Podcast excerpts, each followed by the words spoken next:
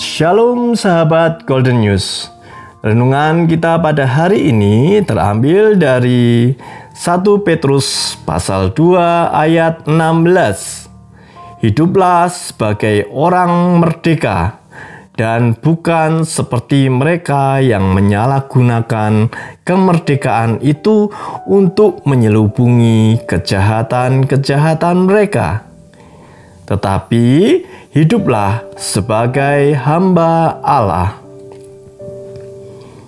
Sahabat Golden News, kita patut bersyukur jika kita boleh memperingati kemerdekaan bangsa Indonesia. Sebuah kondisi yang selalu dinanti oleh sebuah bangsa, yaitu merdeka. Merdeka yang dimaksud bukan hanya dari beberapa sisi saja, namun semua aspek mengalami kemerdekaan.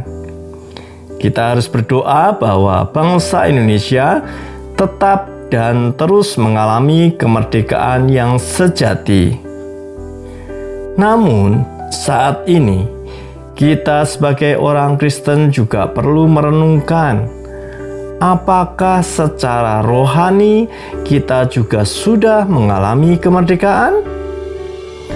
Ini waktu yang tepat untuk kita melakukan refleksi diri. Ketika kita ditebus oleh dosa, kita oleh darah Kristus, kita sudah merdeka.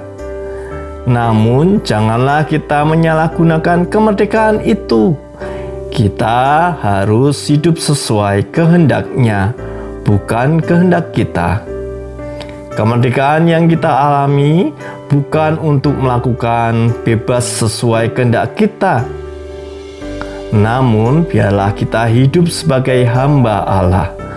Hamba harus seturut dengan kehendak tuannya, dan kita tahu bahwa Tuhan kita adalah Kristus Jangan lagi menuruti hawa nafsu duniawi, namun berjalan dengan kehendak sorgawi.